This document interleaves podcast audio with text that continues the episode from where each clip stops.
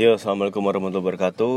Masih sama gue Adit dalam Kasamilan Podcast dan kali ini gue ingin menceritakan hal yang sedikit berbeda dari biasanya gue ngomongin preview dan review pertandingan, tapi kali ini gue ingin nyeritain salah satu legend yang kemarin baru berulang tahun tanggal 31 Oktober yaitu Marco van Basten. Ya, kenapa Van Basten ini penting banget di untuk gue ngerasa gue apa? Gue ngerasa penting untuk nyeritain dia gitu karena ya namanya tadi seperti lagunya Kerry Tunstall yang berjudul uh, Other Side of the World. Yang namanya legend itu kan kayak berada di other side of the world kita gitu atau bukan maksudnya dunia lain yang mistis gitu ya. Tapi kita bisa bilang itu era yang berbeda lah. Yang namanya era berbeda bukan era yang sama sama kita. Jadi kan sehari-hari kita nggak nonton dia dan dan karena itu kita akan gampang lupa gitu. Padahal legend kayak Van Basten itu nggak boleh dilupain ya karena dia adalah penyerang terbaik yang pernah dimiliki Milan. Bukan argue beli lagi emang benar-benar jelas dia penyerang terbaik. Even better daripada Shevchenko Inzaghi Ibra siapa lagi? Uh, Pierino Prati Jose Altavini Gunnar Nordal. Ya kalau Nordal gue belum pernah lihat sih dia gimana mungkin nggak nggak terlalu relevan untuk ngebahas Gantar Nordal juga udah kelamaan tahun 50-an ya uh, kalau Van Basten ini nggak terlalu jauh lah gitu. Artinya nggak beda jauh sama era kita. Karena dia tuh main di tahun 80-an dia besar di tahun 80-an karirnya dia tuh singkat banget ya. Dia cuma main 10 tahun total profesional karirnya gitu. Plus 2 tahun di tim juniornya Ajax. Jadi dia cuma 12 tahun main bola. Tapi dalam 12 tahun itu atau 10 tahun lah bersihnya 10 tahun uh, karirnya di mana 6 tahun itu sama Milan. Itu dia udah ngerebut tiga gelar Ballon d'Or dan berbagai gelar untuk Milan ya. Dua dua Liga Champions dan dan juga beberapa Scudetto lah pas Saki sama Kap era ya Saki sama Capello itu. Itu udah kayak nunjukin ya. Bahkan dia dia itu pensiun umur 28 tahun yang mana kalau pada saat itu Van Basten tetap fit gitu ya gue yakin tuh dia bisa kayak ngerebut kayak atau banyak yang bilang ya bukan cuman gue yakin kayak banyak yang bilang dia bukan dia bisa aja ngerebut kayak 5 atau 6 balon dior gitu. Ya bayangin aja umur pensiunnya masih 28 tahun kalau dia masih bisa main sampai umur 33 34 aja atau 35 paling nggak peaknya dia tuh akan sampai terakhir di umur 31 ya kira-kira tiga balon dior lagi bisa dapat lah gitu. Artinya uh, dia itu salah satu pemain terbaik juga kalau kita bilang sepanjang masa gitu. Bukan cuman striker terbaik Milan sepanjang masa doang tapi dia adalah salah satu pemain terbaik sepanjang masa juga. Bahkan kalau kalau disebut kalau nyebut lima suruh nyebut lima pemain terbaik dunia sepanjang masa kalau gue pribadi akan masukin nama dia ya selain dari Johan Cruyff, uh, Maradona, Messi dan Pele gitu ya. Ya itulah si Johan Van Basten itu ada di list itu gitu. Tapi Johan Cruyff itu paling atas kalau menurut gue, lalu kemudian kedua Maradona, lalu ketiga Messi, baru Van Basten dan Pele. Itu kalau menurut pandangan pribadi gue gue punya alasan tersendiri untuk itu tapi ya itu next time aja gue ceritain ya uh, Van Basten itu awalnya dia emang atlet segala rupa. Maksudnya dia tuh emang uh, punya darah atlet ya. Bapaknya itu mantan back walaupun walaupun di klub kecil klub amatir gitu. Tapi dia mantan pemain juga. Dan itu darah itu mengalir ke Van Basten sama kakaknya. Tapi Van Basten tuh lebih menonjol lebih jago dan akhirnya bapaknya ngarahin dia untuk jadi pemain bola. Dan uh, karena Van Basten itu bener-bener kayak langsung passionate banget sama sepak bola langsung cinta sama sepak bola gitu. Dia itu eh, nggak uh, bisa dipisahin dari sepak bola dan dia pengen yang namanya kita apa pemain di posisi di sepak bola yang paling banyak nyentuh bola itu kan gelandang ya. Van Basten tuh pengen jadi seorang midfielder tapi bapaknya uh, punya pandangan berbeda. Dia ngarahin Van Basten tuh si Job Van Basten ngarahin Marco itu untuk jadi striker untuk bisa bikin banyak gol. Karena menurut dia pemain yang banyak bikin banyak gol itu akan diingat akan bikin perbedaan. Gitu ya itu nggak salah juga yang dia ngomongnya dan itu terus dia latih. Dia dari kecil aja tuh udah main kayak di tim junior ya. Pada saat dia main di tim amatir lah tim UVV awalnya dia dia kan kelahiran Utrecht ya. Ya di klub di kota itu ada ada klub namanya UVV di situ eh, dia itu juga udah berlatihnya bareng pemain yang lebih tua dari dia. Bahkan dalam satu pertandingan pernah tuh si Van Basten tuh eh, dia kan striker diintimidasi sama lawan-lawan back-back lawan yang lebih tua yang posturnya lebih gede ditendang-tendangin lah di ditarik-tarik bajunya lah di pokoknya diintimidasi lah di ditakut-takutin lah diancam-ancam lah gitu. Dibully yang jelas. Akhirnya Van Basten tuh kesel. Dia keluar dari lapangan ninggalin lapangan. Nah bapaknya nonton tuh. Dicegat sama bapaknya. Ngapain lu? kata gitu. Ah gue kesel gue tendang tendangin mulu gitu. Sama itu tuh backnya tuh katanya terus bapaknya bilang lu mendingan balik ke lapangan kata bapaknya kata Van Basten loh kenapa emang? Ya lu pilih aja. Lu pengen ditendangin sama mereka atau ditendangin sama gue di sini, di sini gitu. Cepat sana, sana lu balik atau lu gue tendang tendangin gitu. Akhirnya lu dia balik ke lapangan dan dia bikin dua gol dan timnya menang dan itu back yang nendang-nendangin dia itu mati kutu. Ya gitulah gitu. Akhirnya uh, apa namanya bakat Van Basten uh, singkat cerita tercium oleh Ajax dan dia akhirnya dilatih langsung di dimentorin langsung di situ oleh Johan Cruyff dan dia makin diarahin uh, Johan Cruyff itu ngajarin dia segala ilmu yang dia punya sehingga emang Van Basten tuh jadi makin maju permainannya makin hebat itu setelah dipoles sama Cruyff gitu. Dan tapi Cruyff juga yang ngajarin dia yang kelak mungkin ada hubungannya sama cedera dia ya. Jadi Van Basten tuh diajarin untuk jadi tahan banting. Kata Cruyff, kalau lu ngebiarin lawan lu itu uh, ngejatohin lu gitu, maka ya bener lu akan jatuh gitu. Intinya kalau lu uh, kalau lu nge ngasih diri lu untuk dibully ya lu akan dibully terus lu akan disakitin terus. Tapi kalau lu bisa berani ngelawan kalau lu bertahan lu nunjukin kalau lu kuat ya lu akan kuat gitu. Lu akan bertahan. Dan Van Basten bener-bener make itu. Jadi dia itu bahkan ya mungkin agak-agak berlebihan dalam memaknai itu dan Cruyffnya mungkin juga agak berlebihan. Jadi ketika dia cedera dia tuh jadi sering maksain diri bermain. Jadi bukannya nyembuhin diri bukannya berobat atau apa dia maksain main walaupun dengan menahan sakit gitu ataupun dengan kayak painkiller sementara tapi nggak nyembuhin sakitnya gitu. Itulah yang dialami Van Basten. Nah kemudian uh, Johan Cruyff ini sering nyeritain ya namanya ternyata legend sepak bola itu sering ngobrol ya jadi termasuk Johan Cruyff sering ngobrol sama Sandro Mazzola legendnya Itali dan legendnya Inter juga dan saat itu Sandro Mazzola itu jadi salah satu staff pelatih Inter Cruyff bilang, wah gue punya nih pemain bagus nih, umurnya masih 15 tahun. Uh, dia bakal jadi bintang nih, kalau kata Van kata si Cruyff gitu. Kata Mazzola, ya udah lu bawa ke sini nih, ini ada turnamen 5 lawan 5 nih, gitu. Dibawa lah si uh, si Van Basten ke situ. Nah, akhirnya Mazzola ngeliat sendiri dan dia benar-benar dibuat terkagum-kagum lah sama si permainan Van Basten gila ini masih 15 tahun umurnya katanya gitu gila ini udah mainnya udah kayak pemain pro kata si Mazzola gitu langsung si Mazzola itu uh, ngubungin direksinya Inter untuk kayak bikin perjanjian prakontrak akhirnya bikin lah tuh perjanjian prakontrak karena kan Van Basten masih terlalu muda ya belum bisa dikontrak secara full gitu. Nah, Van Basten balik lagi Belanda uh, tapi sayangnya Van Basten tuh udah mulai kelihatan tuh mulai cedera mulai kelihatan cedera ankle-nya tuh di situ tuh.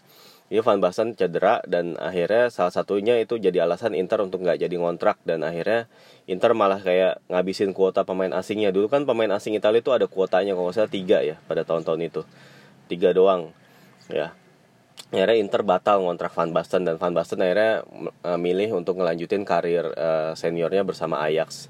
Dan di Ajax itu wah udah nggak nggak terhentikan. Dia empat musim beruntun jadi top skor Eredivisie dan kemudian ngebawa Ajax itu uh, menang uh, Piala UEFA di musim terakhir itu Piala UEFA setelah ngalahin wakil Jerman. Siapa ya Dinamo Dresden apa apa apa Leipzig, apa Leipzig lah lupa gue pokoknya tim Jerman Timur kalau nggak salah tuh.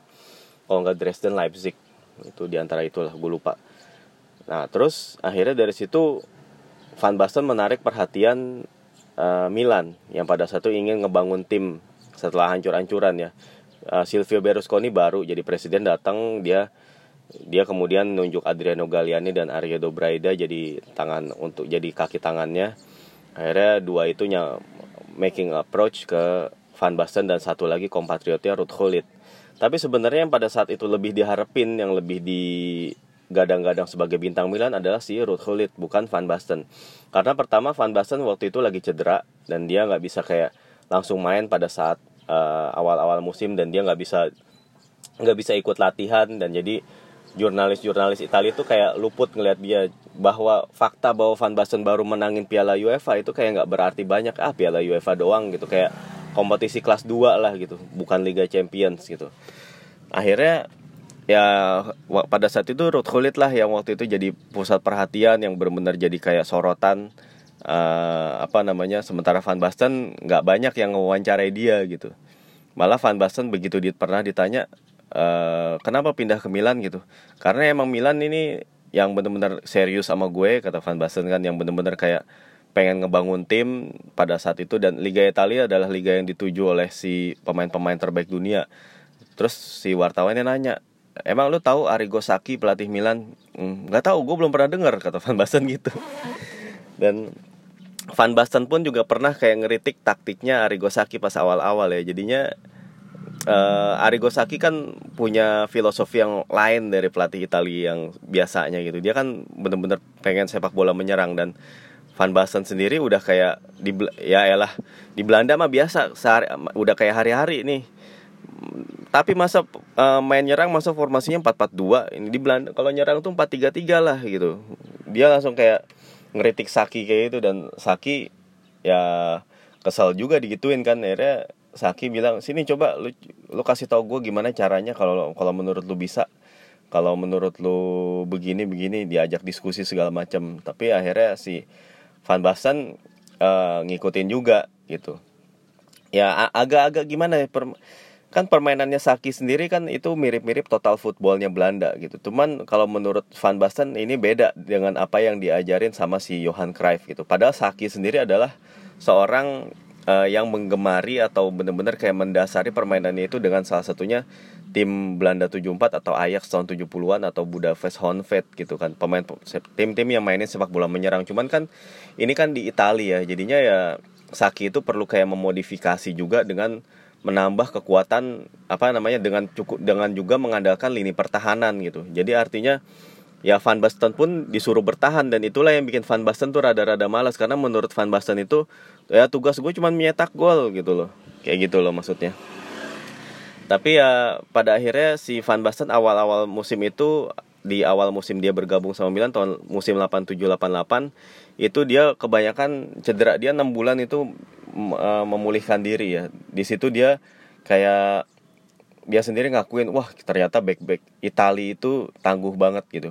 Jadi back back kayak Billy Costa Curta Franco Baresi menurut dia itu bukan cuman kayak jago bertahan tapi heran juga dia ngelihat back itu pada bisa main bola. Artinya bisa kayak bisa ngedribble bisa passing gitu. Bahkan Franco Baresi itu hanya dengan beberapa langkah aja dia tuh kayak udah bisa mengubah permainan gitu. Kalau menurut Van Basten dia heran gitu. Di Belanda menurut dia yang latihannya itu udah berat ternyata di Italia jauh lebih berat dan di Italia back backnya itu jauh lebih berteknik gitu nggak cuman kayak curang nggak cuman keras tapi juga mereka berteknik juga kalau menurut Van Basten ya itulah yang ngebedain uh, total footballnya Ajax dengan uh, dengan uh, formasinya 4-4-2-nya ala Arrigo Sacchi di Milan gitu. Ya akhirnya Van Basten uh, cuma main 6 bulan tapi lumayan. Dia posisinya masih kayak ganti-gantian sama Pietro Paolo Virdis. Tapi di musim keduanya nih ya Van Basten benar-benar kayak udah sembuh ngerasa udah sembuh total. Dia main di Euro 2 Euro 88 yang kita tahu sendiri Belanda menang ya 2-0 di final lawan Uni Soviet. Dan Van Basten bikin gol yang bener-bener kayak spektakuler yang lu lihat yang volley gol tendangan volley dari samping yang dari angle yang bener-bener kayak mustahil lah untuk bisa bikin gol dari angle itu. Umpannya si Arnold Muren juga ketinggian. Tapi Van Basten ternyata bisa gitu nyamber itu dengan tendangan volley dari pinggir dan gol gitu. Itu salah satu gol terbaik dunia lah sepanjang masa lah. Dan itu cuma bisa dilakuin oleh pemain terbaik juga gitu sampai teman-temannya si Hulit, Frank Rijkaard, Ronald Koeman itu juga pada terheran-heran sama gol itu. Gitu ya. Dan akhirnya di musim kedua kemudian musim kedua Van Basten sama Milan itu uh, Milan ngedatangin Frank Rijkaard kompatriotnya si Van Basten dari Ajax dulu. Dan akhirnya lengkaplah tim ini gitu. Jadi de, jadi the dream team. Ya di musim keduanya ini Milan kembali menangin Liga Champions dan menang 4-0 lawan Stoya Bukares uh, Van Basten bikin dua gol Ruud Gullit bikin dua gol. Itu Milan benar-benar jadi the dream team. Dua kali beruntun menangin Liga Champions. Itu pada saat itu pada saat Liga Champions itu berubah format nggak ada tim yang bisa kayak gitu sebelumnya gitu. Eh tahun 90-an lah ya. Ajax pernah menangin tiga kali beruntun dan dia akhirnya dapat badge of honor. Milan kemudian menangin dua kali dan habis itu menang lagi di uh, pas ngalahin Barcelona 4-0 tapi waktu ngalahin Barcelona 4-0 itu uh, si Van Basten udah cedera. Dan habis itu dia gantung sepatu gitu. Ya pertandingan terakhir Van Basten sayang sekali itu terjadi di final Liga Champions tahun 93 ya. Van Basten di bawah Capello uh, kalah dari Marcel uh, 0-1 dalam pertandingan yang penuh skandal lah yang akhirnya presidennya Marcel Bernard Tapie itu uh, dihukum lah gitu. Ada skandal suap di situ intinya. Terus uh, apa namanya Van Basten itu selama di Milan gue lupa ada cat catatan golnya pokoknya dia tuh selalu jadi top score ya sering jadi top score lalu kemudian tiga kali dapat Ballon d'Or dan abis Capello diganti eh Saki diganti Capello uh, Capello tuh agak sedikit memodifikasi ya di mana uh, Van Basten itu bener-bener nggak diminta untuk kayak bertahan untuk kayak ngerebut bola bener-bener pure untuk bikin gol Van Basten itu di tangan Capello jadi Capello itu kalau untuk bertahan cukup dengan 6, 6 pemainnya yaitu 4 back dan 2 gelandang bertahan. 4 back itu ya masih kuartet Tassotti, Billy Costa Curta, Baresi Maldini dan juga dua gelandang bertahan Albertini dan Marcel Desailly. Ya, pada saat itu uh, yang nyerang. Jadi cuma empat orang. Jadi kayak Dejan Savicevic, Roberto Donadoni atau Lentini atau Boban. Lalu kemudian Van Basten dan Daniel Masaro atau Florin Raducoyo atau Jean-Pierre Jean-Pierre Papang. Itulah yang jadi uh, pemain menyerangnya Milan pada saat itu gitu ya. Jadinya uh, dengan cara itu tapi Van Basten itu jadi terekspos lebih terekspos ke gawang lawan dan akhirnya menemukan puncak permainannya juga dengan banyak banget bikin gol. Pada saat itu berjayanya tuh di situ. Ya. Kalau dilihat dari gaya permainan Van Basten tuh bener-bener kayak kalau lu lihat sendiri ya cuplikan atau ataupun full matchnya dia itu gerakannya dia tuh kayak yang uh, gemulai. Uh, anggun. Bukannya bukannya bukan lebih kayak gemulai bukan negatif ya. Tapi yang lebih ke elegan gitu. Kalau ngedribble bola tuh elegan banget simple banget ya. Lu kan kalau kayak Messi lah gitu kalau Messi kan dri cara dribblenya dia kan simple kan cuman ngegoceknya Uh, tapi dia tuh cepet banget gitu, simple tapi cepet. Jadi walaupun gayanya tuh gitu-gitu doang, tapi karena dia melakukannya dengan cepet, back-back itu nggak bisa menghentikan dia. Seperti halnya Aryan Robben juga lah, gayanya kan itu-itu doang kan, cutting inside, shooting, cutting inside, nendang, pokoknya ya gitu-gitu aja. Tapi karena dia cepet, nggak ada yang bisa ngentiin dia. Jadi kalau Suso pengen jadi pengen seperti Aryan Robben, dia harus menambah kecepatan dia gitu loh. Anyway, balik lagi ke Van Basten. Dia bener-bener kayak ngegabungin teknik, speed, uh, dan juga power. Jadi ketika itu kontras banget ketika ngedribble dia kelihatan bener-bener elegan, anggun gitu. Tapi begitu nendang itu dia bisa kenceng banget tendangannya gitu. Sebenarnya agak-agak mirip juga sama Zlatan sih, tapi ya Van Basten tuh lebih masih lebih anggun lah gitu gayanya, masih lebih masih lebih kelihatan. Ya gimana ya? Gue agak-agak susah menggambarkannya dengan kata-kata. Tapi lu lihat sendiri masih lebih masih lebih halus mainnya Van Basten gitu daripada Ibra. Gitu loh. Kalau Ibra kan penuh dengan trik ya. Kalau Van Basten itu nggak pakai trik, dia tuh uh, dia tuh bener-bener kayak Johan Cruyff ya. Jadi menurut gue tuh caranya dia adalah lu bukannya kayak membenturkan, bukannya kayak itu kalau lu pengen kayak menang bertarung, lu bukannya kayak membenturkan, lu bukannya nyamperin, tapi lu menghindari gitu. Jadi ketika back itu berpikir lu menghadang lu ke kanan, ya lu geraknya ke kiri dan sebaliknya. Gitu. Jadi lu harus mikirin uh, sesuatu yang tak terpikirkan oleh defender defender itulah Van Basten kayak gitu cara ciri bermainnya. Jadi dia tuh nggak yang show off dengan skillful segala macam kelihatannya tuh skillnya biasa aja tapi dia itu cuman dia tuh bener-bener kayak pakai otak dan pakai insting gitu untuk kayak gerakan-gerakannya dia yang anggun itu gitu. Nggak yang pakai skill yang nggak bermaksud untuk kayak show off ngadu skill apa man to man nggak kayak begitu dia tuh. Dia tuh benar-benar kayak justru pengennya menghindar menghindar dan cari posisi yang baik untuk bikin gol. Dan finishingnya itu benar-benar kayak dia bisa nyetak gol dari segala cara gitu. Dari mau itu dengan tendangan akrobatik dengan sundulan duel di udara dengan dribble dribble apa satu lawan satu juga dia bisa. Kuat dalam one on one. Pokoknya sulit untuk mencari kelemahan dia sebagai striker. Yang emang sayangnya uh, masa edarnya dia tuh cuma sebentar ya. Dia cuma 6 musim di Ajax 6 musim di Milan. Bahkan dua musim per, dua musim di antaranya di Ajax itu di, uh, di dihabisin di tim junior. Jadi total dia bermain bola itu 12 tahun total dia bermain sebagai profesional. Dari umur 18 tuh cuma dari cuman dari umur 18 sampai umur 28 cuman 10 tahun. Gitu. Cuman dari 10 tahun dia bermain itu dia bisa mendapatkan 3 Ballon d'Or. Dan harusnya dia bisa dapetin lagi another 3 atau 4 lah sampai umurnya 30 31 30 32 tahun. Karena dia masih sangat dominan. Usianya masih terlalu muda 28 tahun pas dia pensiun. Bayangin aja bandingin aja 28 tahun itu pas Filippo Inzaghi datang ke Milan. 20 ta 28 tahun itu adalah usia Carlos Bacca datang ke Milan. Tapi buat Van Basten 20 tahun 28 tahun itu adalah akhir dari kiprah dia di Milan itu menyedihkan ya menurut gue tapi ya ya udah kadang-kadang emang Tuhan emang kayak cuma ngasih kita ada beberapa dari kita yang cuma dikasih waktu cuma beberapa tahun. Ibaratnya rezekinya itu di tahun-tahun itu doang habis itu diambil lagi gitu. Ya yang begitulah. Itulah sepak bola itulah hidup gitu loh. Emang uh, nothing is so good it, uh, nothing good uh, come eternally perfect situation must go wrong gitu. Ya pasti ya yang namanya hal-hal bagus itu akan berakhir gitu ya. Itu memang hidup kayak gitulah. Dan Van Basten juga karirnya konklusinya seperti itu. Datang lalu dia menang lalu dia melegenda tapi habis itu dia gone too soon gitu loh.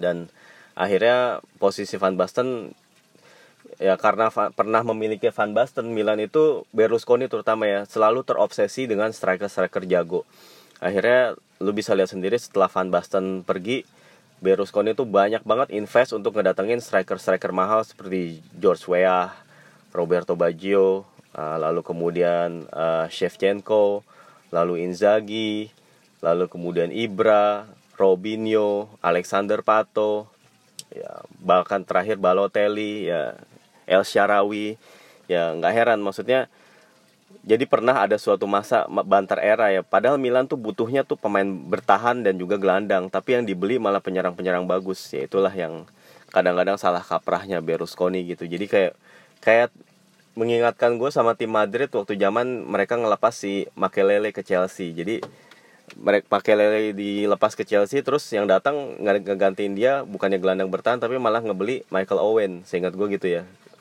Dan waktu itu Zidane berkomentar lu pengen beli mobil Rolls and Royce tapi uh, mobil ini butuh untuk butuh mesin gitu. Bukan yang bukannya lu perbaiki mesinnya lu malah ganti warna catnya gitu. Gitu kasarnya kata Zidane dan ya itu emang benar terjadi kayak gitu sih ya. Anyway ya gua rasa gitu aja cerita dari Van Basten. Menurut gue dia adalah seorang legend yang jangan dilupain gitu aja. Dia adalah penyerang terbaik yang dimiliki Milan dia adalah lima pemain terbaik dunia menurut gue salah satu dari lima pemain terbaik dunia sepanjang masa ya. Dan Milan patut berbangga karena pernah diperkuat salah satu dari lima pemain terbaik dunia itu. Ya udah uh, menurut gue uh, gitu aja sih yang mau gue sampein ya. Van Basten itu waktu itu datang untuk menyaingi euforia Juventus dengan Michel Platini uh, Napoli dengan Diego Maradona gitu ya Roma dengan Paulo Roberto Falcao dan lain-lain. Inter waktu itu siapa sih bintangnya ya? Uh, kayak cuman kayaknya bintang-bintang lokal kayak Alto Belli gitu deh kayak lupa lah gue. Uh, pada saat itu gue nggak nggak begitu apal timeline gue tahu beberapa legend Inter tapi gue lupa tahun-tahunnya gitu tapi ya anyway Van Basten akhirnya sukses yang paling sukses pada saat itu datang dia datang dan membawa kejayaan dia datang memperkuat tim yang dibilang salah satu tim terbaik sepanjang masa juga. Milannya Arrigo Sacchi itu salah satu tim terbaik dan jadi referensi dari banyak tim termasuk Barcelona tahun 2000 2008 2009 Barcelonanya Pep lah waktu itu. Ya intinya Van Basten ini adalah uh, anggota dari tim terbaik itu dan dan gak heran dia adalah salah satu pemain terbaik uh, sepanjang masa. Ya udah gitu aja uh, apa namanya kurang lebihnya mohon maaf atas segala kekurangan. Terima kasih banget udah sering dengerin podcast ini. Ya wassalamualaikum warahmatullahi wabarakatuh